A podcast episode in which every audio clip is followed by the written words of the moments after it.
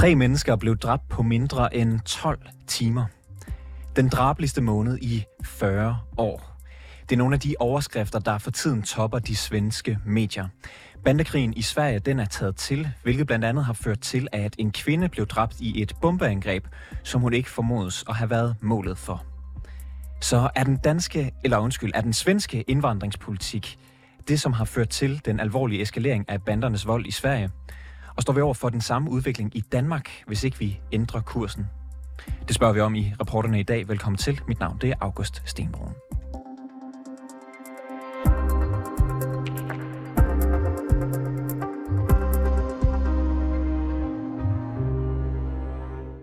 En udvikling som den, man ser det i Sverige, vil være, hvis ikke uundgåelig, så i allerhøjeste grad forventelig. Så lyder det fra Mikkel Andersen, debattør og chefredaktør på det borgerlige medie Kontrast i et Facebook-opslag. Inden udsendelsen der talte jeg med ham for at få ham til at uddybe sin pointe, og jeg startede ganske enkelt med at spørge ham, om Danmark er i risiko for at ende med de samme bandeproblemer, som vi ser lige nu i Sverige. Ja, det tror jeg da, det tror jeg da i høj grad. Altså hvis man fortsætter, det er jo også en af pointerne i mit opslag, hvis man fortsætter den, den nuværende indvandringspolitik øh, og undgår at tage et opgør med, med sådan eksempelvis retten til spontan asyl, ja, så ser jeg det som en, som en absolut risiko. Hvad baserer du det på?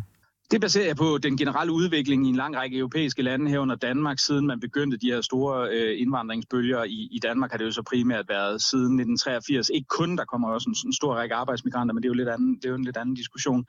Men, men der har man jo set, at øh, en markant overrepræsentation blandt primært ikke-vestlige indvandrere i en lang række personfarlige kriminalitetsstatistikker. Og, og naturligvis også øh, specifikt i forhold til bandekriminalitet, det har vi også set i Danmark. Og kan du være mere specifik? Altså, hvad er det for noget øh, indvandringspolitik, udlændingepolitik, som du mener, der er skyld i, at øh, bandeproblemerne er så slemme i Sverige lige nu? Øh, jamen altså, det mener altså man har, man har jo på, på en bred, øh, over en bred kamp ført en, en trods alt mere øh, lempelig øh, integrationspolitik, ikke mindst i forhold til, til øh, hvad kan man sige, familiesammenføringsregler i Danmark, end man har gjort det der i, i Sverige. Der har man jo så fået en, en noget større andel af ikke-vestlig indvandring, end, end tilfældet har været her, ikke? Øh, og der kan man jo så sige, at det er ikke fordi, jeg mener, at man nødvendigvis en til en kan sige, at antallet af ikke-vestlige migranter fører til, til mere kriminalitet, for der er også andre europæiske lande, der har højere andele, eller høje andele af ikke-vestlige øh, indvandring, hvor man ikke har, har så graverende problemer i Sverige. Men du kan jo se en klar øh, korrelation mellem øh, andelen af ikke-vestlige indvandring og så de kriminalitetsproblemer, som du har øh, i en række lande herunder Danmark. Og hvordan er indvandringspolitikken anderledes i, i Danmark så Øh, jamen altså, uden at, uden at gå for teknisk ind i det, så har vi øh, en lang række danske regeringer jo strammet nogle regler for, øh, hvad kan man sige, eksempelvis familiesammenføring, øh, som man ikke har set i Danmark. Og så har vi også generelt forsøgt øh, under også en række regeringer, ikke mindst Inger Støjberg efter, efter øh, hvad kan man sige, det vi kalder øh, asylkrisen i 2015-16, har man jo sådan forsøgt at projicere et, et image om, at Danmark var, var ekstremt hård i forhold til indvandring, og at man ikke ønskede øh, ikke-vestlig asylmigration til landet. Øh, altså man Øh, den, den reelt underliggende politik, det er lidt en anden diskussion, har måske ikke været så forandret i praksis. Altså man kan sige, hvis du kommer som asylansøger til Danmark, så, så, er, så er anerkendelsesraterne stadigvæk relativt høje, men der har været øh, taget en række tiltag sådan på, på sådan policyplanet, som har gjort, at, at, at tilstrømningen til Danmark har været mindre end i Sverige. Så tilstrømningen til Danmark har været mindre, men alligevel så mener du, at der er risiko for, at, at Danmark kan ende i de samme bandeproblemer. Hvordan hænger det sammen? Jamen, det hænger jo sammen med, at hvis man fortsætter en politik, hvor, hvor man konstant forøger an, antallet af indvandrere, der kommer til Danmark, så kan du jo så sige, jamen altså, så vil problemerne jo gradvist vokse over tid. Altså, det, det må man sige, hvis, hvis, du, hvis du betragter, og dermed siger jeg naturligvis langt fra, at alle ikke-vestlige indvandrere, der kommer til Danmark, er kriminelle i nogen som helst henseende, men vi kan jo se, at der er en, en uproportional høj andel af dem, der kommer, der er det, jamen så er det selvfølgelig også klart, at hvis du fortsætter den samme indvandringspolitik, hvor der altså siden 1983, hvor der var omkring 50-60.000 ikke-vestlige indvandrere i Danmark, og i dag er der omkring 500-600.000 øh, inklusive efterkommere. Jamen altså, så, så kan man jo selvfølgelig sige, hvis antallet bare bliver ved med at stige over tid, så vil du se en tilsvarende udvikling, øh, der så vil komme i Danmark, men bare på et senere tidspunkt. Eller det er i hvert fald det, man risikerer, ikke? Og hvad mener du, du så, at, at man skal gøre i Danmark for ikke at ende som, øh, som i Sverige med, med de bandeproblemer, de har der? Altså jeg mener jo grundlæggende set, og det har jeg jo også skrevet en bog om tilbage i, i 2018, øh, øh, at øh, man, skal, man skal sørge for at, og først og fremmest at, at lave et stop for det, vi kalder spontan asyl. Altså grundlæggende set, så fungerer det danske asylsystem i lighed med de stort set alle europæiske lande jo på den måde, at hvis du som asylansøger formår at komme til Danmark, og det vil jo så typisk gøre, vil man typisk så gøre ved at komme over Middelhavet på en eller anden måde, øh, eller det man kalder Balkanruten, jamen så har du altså mulighed for at få din asylbehandling øh, øh, behandlet i Danmark, og der vil en stor del af dem, der kommer, altså få, få ret til asyl. Og der mener jeg jo grundlæggende set, at man i Danmark skal gå ind og gøre det og sige, jamen prøv at høre, du har ikke længere nogen ret til at få behandlet en ansøgning om asyl, hvis du kommer igennem et sikkert tredjeland, hvad stort set alle, der kommer til Danmark i sagens natur, gør. Øhm, altså, så det vil sige, du kan ikke længere have en vidshed om, at hvis du kommer til Danmark og sætter foden på dansk jord, så kan du opnå øh, øh midlertidig eller permanent opholdstilladelse, og hvis du så får tilkendt asyl, så vil du også få ret til, til familiesammenføring derefter. Det princip mener jeg, det er nødvendigt at gøre op med. Så øh, din, din tese er, fortsætter vi med den udlændingepolitik, som vi har lige nu, så kan vi risikere inden som Sverige. Er det korrekt forstået? Ja, det er fuldstændig korrekt forstået. Er der noget, der tyder på, altså nogle statistikker, der tyder på, at vi er på vej mod de her svenske tilstande? Altså du kan jo sige, vi har jo, vi har jo et, et relativt, en, en relativt stor mængde, øh, hvad kan man sige, øh, indvandrerbander, som er steget igennem, øh, altså siden, siden udlændingeloven 1983, hvor før der var det jo ikke et fænomen, der eksisterede i Danmark.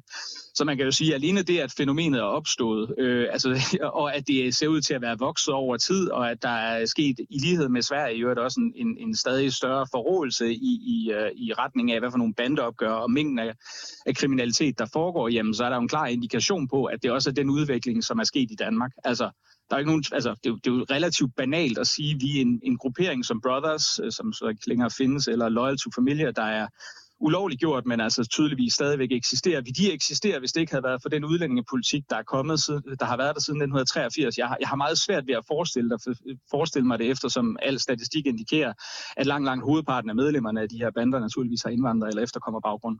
Er det værre end nogensinde lige nu? Øh, I Danmark? Ja. Øh, jeg ved ikke om tingene i Danmark lige nu statistisk. Altså jeg kan ikke gå ind og kigge på, ja, der, vi havde også en stor bandekonflikt tilbage i 2008, og det blusser jo op forskellige gange. Om det, de specifikt er værre lige nu, end de ellers er, det skal jeg ikke kunne sige. I Danmark der er der jo forskellige kriminologer, der for eksempel peger på, at det er det socioøkonomiske og ulighed, der især spiller ind i forhold til kriminalitet blandt indvandrere. I Sverige der er uligheden væsentligt større end i resten af Norden. Kan du udelukke, at der er andet end indvandring, der spiller en rolle i de her øh, ting, vi ser nu?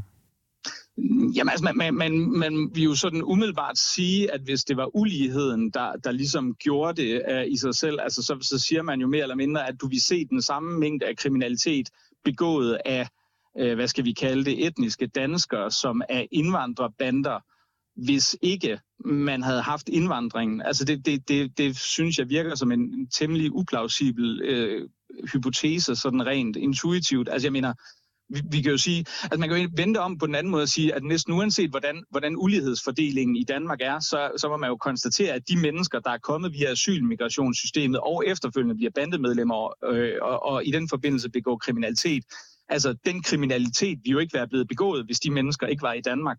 Altså det, det, det tænker jeg lidt, altså hvis, så skulle man have en hypotese, der sagde, at så skulle det være en masse danskere, der i stedet for pludselig var blevet bandemedlemmer, som nu ikke, som, som i praksis ikke er det lige nu.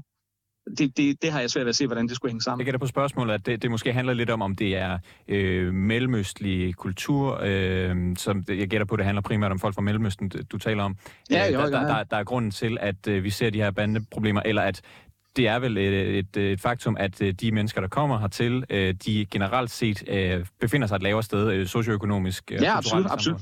Ja, ja, ingen tvivl om det. Ingen tvivl om det. Altså, om inden man, man dog må sige, at, øh, og det kan man jo se, se i, i Danmarks Statistiks rapport, øh, Indvandrere i Danmark, den nyeste udgave fra 2022 november, der kan du gå ind og kigge på, hvis jeg husker rigtigt, er det side 109, men det er i hvert fald deromkring, der kan du se for, for hvad det statistikkerne, hvor man korrigerer for både alder og for socioøkonomisk status og familiebaggrund og alle mulige andre ting, og der vil du se, at der stadigvæk er blandt indvandrere en massiv overrepræsentation i forhold til det, men, men jeg, jeg anfægter sådan set heller ikke, at det, det kan være en, en altså socioøkonomiske for, altså forhold kan være en bidragende faktor til kriminalitet, uanset etnicitet, men jeg mener, det er jo, det er jo sådan lidt en, hvad skal vi kalde det, det er jo sådan lidt en teoretisk diskussion, fordi pointen er jo stadigvæk, at hvis, hvis, selv hvis det skyldes socioøkonomiske forhold, så, vi, så, så kan man sige, at med mindre vi så for, for, altså forventer, at Danmark og Sverige, som jo er nogle af de mest lige lande i hele verden, på en eller anden måde formår grundlæggende set at ændre deres socioøkonomiske forhold, øh, altså, så, så vil den kriminalitet jo stadigvæk eksistere i kraft af, af en forøget indvandring i fremtiden. Ikke? Altså, så jeg mener, ja. det, det, det, er jo, det er jo, man, vi, for, vi kan jo diskutere, hvad årsagerne er,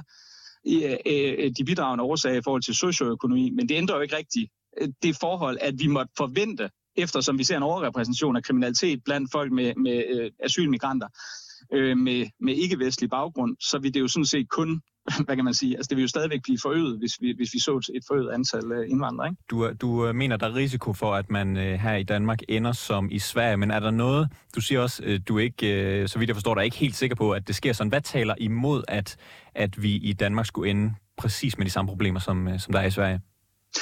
Jamen altså, vi, vi kan jo sige, at hvis jeg, hvis, jeg husker, hvis jeg husker rigtigt, og det er ikke noget, jeg har tjekket øh, uh, herop til interviewet, men jeg mener, at antallet af bandemedlemmer i Danmark ligger på omkring 1300, mens jeg tror, det er nogenlunde 10 gange højere. I, igen, det, det er sådan, så vidt jeg husker det.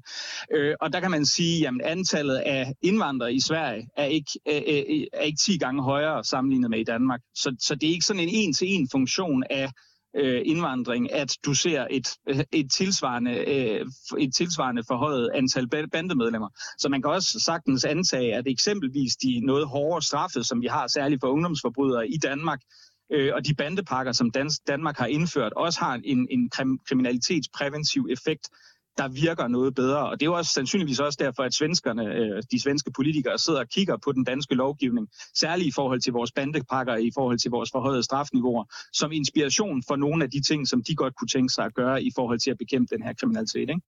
Så lød det altså fra Mikkel Andersen, debattør og chefredaktør på det borgerlige medie Kontrast. Da 2022 gik på held, så kunne Sverige se tilbage på et år med rekord mange skuddrab. 63 måtte lade livet sammenlignet med 45 året før. Det svenske politi mener, at drabene primært har været i forbindelse med opgør i indvandrermiljøet. Og til sammenligning så havde vi kun 8 skuddrab i Danmark i 2021. Henrik Vig, du er professor i antropologi og leder af Center for Global Kriminologi på Københavns Universitet. Velkommen til programmet. Ja. Øhm, tak. Hvorfor ser situationen anderledes ud i Danmark i forhold til i Sverige? Men altså, øh, i virkeligheden er der mange ting, der er ens i, i Danmark og Sverige, som, øh, som den øh, foregående øh, øh person, der var på os omtalt, men vi er lodret uenige i, i hvad. Øh, Sverige de har øh, EU-rekord i bandeskyderi, og med Sverige har altså også EU-rekord i økonomisk polarisering. Øh, og de er i gang med at få, få noget, der minder om i, i social polarisering. Øh, og så det skal siges, altså man kan knytte kommentar til det, den, den øh, Michael Andersen sagde.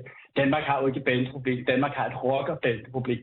Justitsministeriets egne rapporter viser meget tydeligt, at der er en overrepræsentation af etnisk danskere i rocker-bande-problematikker. Og de to ting hænger altså sammen. Så når, så når Mikkel Andersen han, uh, siger, at vi er risiko for at ende præcis som i Sverige, så, behøver, så mener du, at han maler fanden på væggen? Ja, det, jeg synes, det er noget frøvl. Øh, øh, altså, det kan godt være, at vi har risiko for at ende præcis som i Sverige, men, men, men det er det kun, hvis vi øh, øh, giver den gas i forhold til den økonomiske polarisering og, og øger uligheden.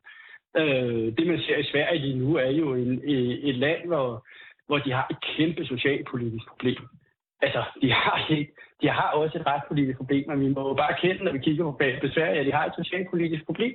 Det bliver, det yder, bliver, bliver øh, mere og mere polariseret som land. Der bliver større og større afstand mellem de rigeste og de fattigste.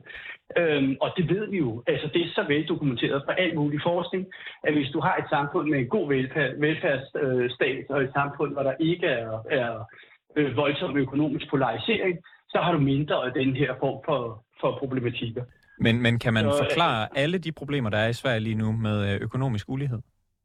Nej, men man kan forklare en god del af dem med økonomisk ulighed. Og det vi ved, når vi kigger på øh, bandeproblematikker, det er, at øh, øh, vi taler om udsatte boligområder, og vi taler udgrænsede befolkningsgrupper. Og der er Sverige altså overgået Danmark øh, på en måde, som, som de bøder for nu. Så det med, at Danmark ret tydeligt sagde, at vi vil ikke have de her ghettoer, vi vil ikke have folk, der bor isoleret og adskilt fra resten af øh, samfundet.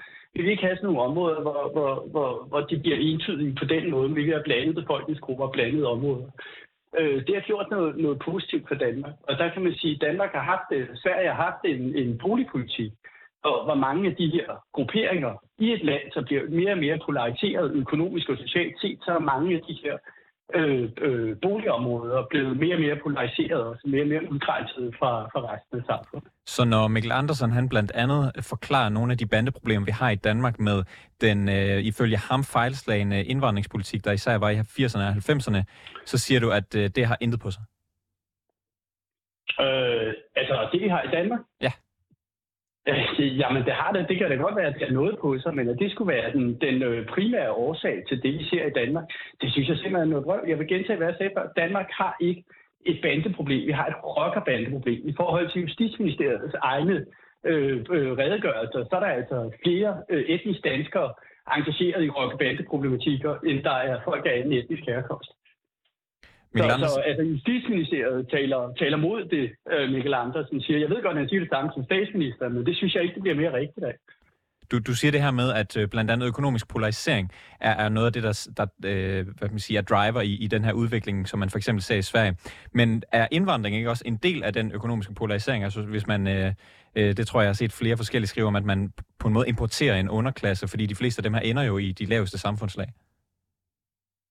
Sverige er et interessant eksempel, fordi Sverige øh, har været utrolig gode til at integrere sådan øh, øh, positivt øh, blandt øh, øh, toppen, i toppen af samfundet. Altså mediefolk, folk, der er noget ved øh, virksomheder i erhvervslivet, øh, i politik, politik for eksempel, i deres øh, øh, rigsdag. Der har de været utrolig gode til at få de her folk med. Det, de har været utrolig dårlige til, er at, at øh, fagne øh, Øh, den, den nederste del af, af den befolkningsgruppe. Og det har de været utrolig dårlige til, fordi de er inde i en, i en øh, proces for velfærdsstaten i Sverige, jo, jo øh, mildtalt udfordret. Og så kan vi diskutere, hvorfor er velfærdsstaten i Sverige mildtalt udfordret. Og det er der jo nogen, der vil sige, at det skyldes faktisk neoliberale reformer, fejlslaget neoliberale reformer af den svenske velfærdsstat. Og da, da jeg talte med Michael Andersen, så spurgte jeg ham også ind til det her med, hvad hvis man øh, kigger på socioøkonomien? Det betyder jo rigtig meget. Og så sagde han, ja, men hvis ikke man havde haft stor indvandring, så de indvandrere og efterkommer, der laver kriminalitet i dag, de har så ikke lavet det i Danmark og i Sverige. Det har han vel ret i? Jamen, altså, jeg synes, det er for, det er for, for, for nemt. Øh, hvorfor er det, hvorfor er det for nemt? Sådan. Jamen, altså, fordi du har jo set, at Sverige har haft en, en positiv, masse af positive effekter af den store indvandring, de har haft. Altså, de har ikke de flaskehalsproblematikker, vi har her. De, man har set, der har været øget økonomisk vækst i Sverige over en periode, hvor de havde voldsom indvandring. Altså. Øh, så ja, det er bare for nemt at sige, jamen så er det bare et spørgsmål om, at, at hvis man er af anden etnisk herkomst, så stiger øh, bandekriminaliteten. Altså, så, så vil jeg bare igen gå tilbage til Justitsministeriets øh, rapport, som meget klart siger, at Danmark har et rock- og bandeproblem, og størstedelen af de mennesker, der er involveret, de er altså ikke af anden etnisk herkomst. Det der, det, der er kendetegnet ved rock- og bandeproblematikker, det er, at det er folk fra øh, udgrænsede familier, og det er tit noget, der har noget at gøre med udsatte boligområder. Og så er løsningen altså noget andet. Så er det et socialpolitisk problem, hvor løsningen ikke kun er retspolitisk. Det kan også være, at vi skal finde nogle af løsningerne der, men det er altså ikke kun et retspolitisk problem. Og Henrik, du, du, du tager allerede forskud på det, nemlig at tale om løsninger, fordi jeg kan godt høre, at både du og Mikkel Andersen, I bliver nok ikke enige om, hvad årsagen er til de problemer, vi nogle gange har i, i så vidt øh, Danmark og Sverige. Sverige har jo så for nylig taget nogle drastiske skridt for at få styr på banderne. De har sat militæret ind. Hvorfor har de været nødsaget til det? Man må sige, hvad, altså, så skal man spørge, spørge sig selv, hvad er det, militæret skal gøre her? Jeg går ud fra, øh, altså, nogle af de tiltag, de har taget, er jo nogle, der minder meget om de, de bandepakker, vi har herhjemme. Så det er visitationszoner, og så har de haft nogle øh, lovgivningsmæssige øh, aspekter af deres Øhm, øh, øh, anti-bande-bekæmpelse, øh, eller deres bandebekæmpelse, hvor de ikke har ansigtsgenkendelse, de har ikke haft nogen pladegenkendelse, og sådan noget. Det har de ikke måttet. Og det har de ændret på. Øh, og så har de ændret på vidneanonymitet. Altså i virkeligheden kan man sige, at de har lavet en stikkerordning. Øh, øh, de, de ting øh, øh, skal nok hjælpe på den ene eller den anden måde, som noget, der hjælper øh, det, det udmærkede politi, der er i Sverige. Men, men den virkelige ting her, den, den, altså, øh, der hvor hunden ligger begravet, det er altså ikke et retspolitisk. Kan, kan, kan det have nogle langsigtede konsekvenser for, for Sverige at, at sætte hårdt mod hårdt på den måde, altså ved at sætte militæret ind over for banderne? Det, det kommer an på, hvordan militæret agerer. Øh, så hvis hårdt mod hårdt, så, så ved vi faktisk for noget kriminologisk forskning også, at i de stater, hvor man går ind og virkelig så hårdt ned, altså voldeligt ned, på, på øh, øh, forskellige befolkningsgrupper osv., så ser man en meget klar stigning i volden øh, øh, tilbage. Altså, så man ser en eller anden form for interaktion, og det at stå hårdt ned fra myndighedernes side, det, det genererer lige så hårde øh, øh, respons fra, fra øh, øh, bander eller kriminelle eller udgrænsede befolkningsgruppers side. Øh, jeg tror, at det svenske militær bliver brugt som, som patruljering, som nogen, der går ind og siger, Sverige har jo reelle problemer, øh, og de har reelle problemer i nogle øh, boligområder, som, som er lukket land for, for normalsamfundet. Og, og, og jeg kan godt forestille mig, at noget der, hvor de sætter ind, det er, at de har nogle patruljeringer af de her boligområder, hvor de siger, at altså staten markerer sin ret til at være der. Men du siger, at øh, problemet er i store træk ikke et retspolitisk problem. Det er ikke noget, der skal, der skal øh, ordnes der. Det er nærmere øh, økonomisk. Det handler om øh, ulighed. Og hvis man vil problemerne til liv, så skal man starte fra bunden her, socialklasse. Så Sverige. Sverige har EU-rekord i bandeskyderi, og de har altså også EU-rekord i økonomisk polarisering lige nu. Det Men betyder være, det, at øh, de, de, de, har, de to ting har noget med hinanden at gøre? Ja, det er der meget, der indikerer det. Der er rigtig meget øh, socialvidenskabelige, øh, øh, øh, der er rigtig mange socialvidenskabelige indsigt, øh, indsigter, der dokumenterer, at det hænger faktisk sammen. Altså med Concern Picket Spirit Level, der er rigtig mange ting, der, der indikerer, og meget substantiel øh, socialpolitisk eller social øh, faglig forskning, som indikerer, at det lige præcis er, der lige præcis er en relation det er jo en uh, langsigtet plan, hvis man skal hvad kan man sige, omfordele på en helt ny måde, og, og derved uh, løse de her uh, problemer fra bunden. Hvad skal ja. man gøre her nu, hvis man er svensk politiker?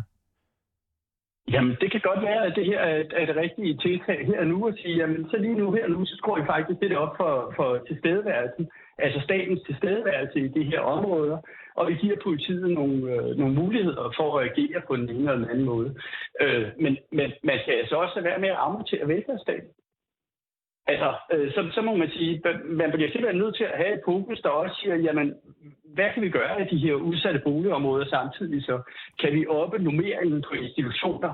Øh, kan vi øh, øh få øget øh, samarbejde med lokalbefolkningen og myndighederne? Øh, hvad er det for nogle fremtider? Hvad er det for nogle muligheder, vi kan give de her folk, de her udgrænsede områder? Det er de færreste, der faktisk har lyst. Altså, det er det, man tror. Man tror, at folk synes, at det er sådan noget, så er det nemt at blive en del af et, bande, et bandemiljø, og det er nemt at begå vold og sådan noget. Det er færreste, der har lyst til at være voldelige. Det er færreste, der har lyst til at være, være del af et bande. Folk vil gerne have, have anerkendelse på, på værdig og ordentlig vis. Øh, Henrik Vig, professor i antropologi og leder af Center for Global Kriminologi på Københavns Universitet. Tak fordi du var med i programmet. Selv tak. Det var alt for reporterne i denne omgang. Tak fordi du lyttede med. Bag udsendelsen i dag var Malte Storm Madsen. Alexander Brøndum er redaktør, og mit navn det er August Stenbrun.